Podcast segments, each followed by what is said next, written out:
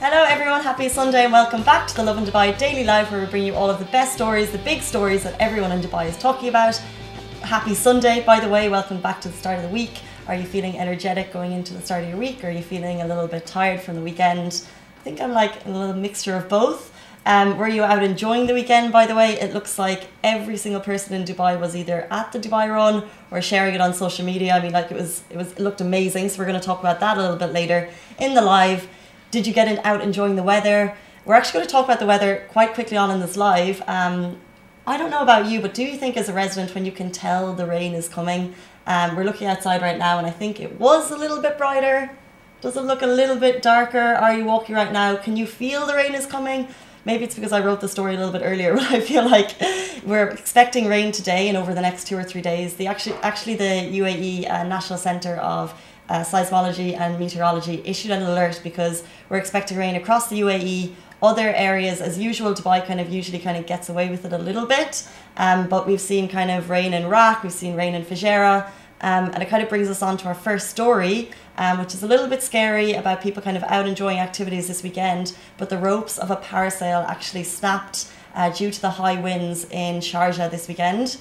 Um, basically, there was, uh, I think, six men out enjoying parasailing. So that's when you have the, the boat and it's attached to a rope, and then you have like a parachute, um, and the rope snapped. Uh, which is kind of terrifying. As far as we know, the six men were immediately taken uh, to a hospital near Khor Fakkan. Uh, they're injured, and we're hoping that they'll be okay and they'll get make through it. Uh, but it's just kind of uh, shows you kind of this was due to the high winds. Um, we, we saw a video. Um, there's high winds, kind of a lot of cloud coverage, and that could come to Dubai today. Although I think we're just expecting a lot of rain. Um, so brolly's out uh, here in Dubai. If you have cushions on your balcony, if you have laundry on your balcony, whatever you have, take it in because uh, it could get wet. Maybe wear some rain appropriate shoes if you have some. If you usually wear sandals to work, it's very tricky in Dubai to like tell what the weather is going to be like when you have days like this. But um, yeah, they've actually said maybe two or three days of rain here in Dubai. So just prepare for that.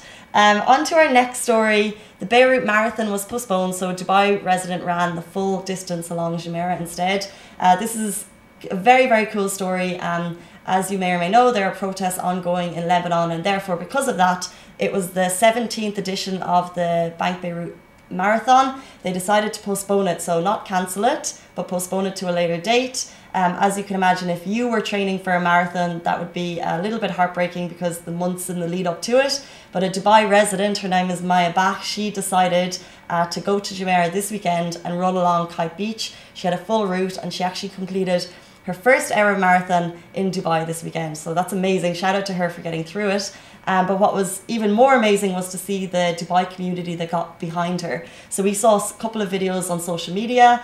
Um, she kicked off at 4:30 a.m. on Kite Beach, uh, so that was obviously quite early. But uh, there was videos, there was people following her the whole way, and at the very end, there was cool support at the finish line, kind of shouting her through. So first of all, well done, but also amazing to see the Dubai community coming together um, to support Maya in her effort to finish her first ever marathon on Kite Beach. And actually, what she said was she's still speechless from all the support and what you all did today. This was a dream, beyond lucky, and so grateful. Thank you, thank you. So you kind of like feel how excited she was about it. Um, but yeah, really cool, and shout out to her. And then on our final story, this was absolutely huge over the weekend. Everyone was talking about it. Everyone was sharing videos of it. If you weren't there, I'm sure it kind of felt like you were there. We're of course talking about the Dubai Run like they actually closed part of Sheikh Zayed Road for this, which is incredible. It shows that kind of like the the effort by Dubai to make it the Dubai's to make Dubai the world's fittest city. Um, we saw videos um, from Sheikh Hamdan. He was there, Crown Prince of Dubai, from 4:30 a.m. He was like one of the first people. Uh, so I'm not sure of the time, but he was like one of the first people on the road. He took a selfie on Sheikh Zayed Road when it was empty, so that was cool. And then we saw obviously Dubai Metro.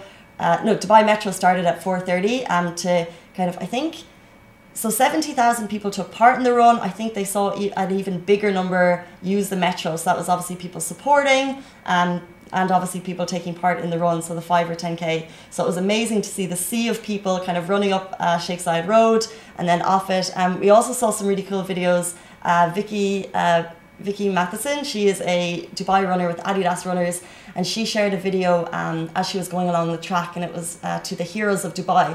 So she noticed at a point in the track there was a lot of kind of uh, there was ambulance crew and there were Dubai labourers out there giving huge support to the runners. She shared the video and we shared it again on Lovin Dubai. And we actually, a lot of runners who took part in the race said that they said that that was their favourite point within the race was passing that moment, getting the huge cheer. So that was incredible to see all of the people coming together for the Dubai run.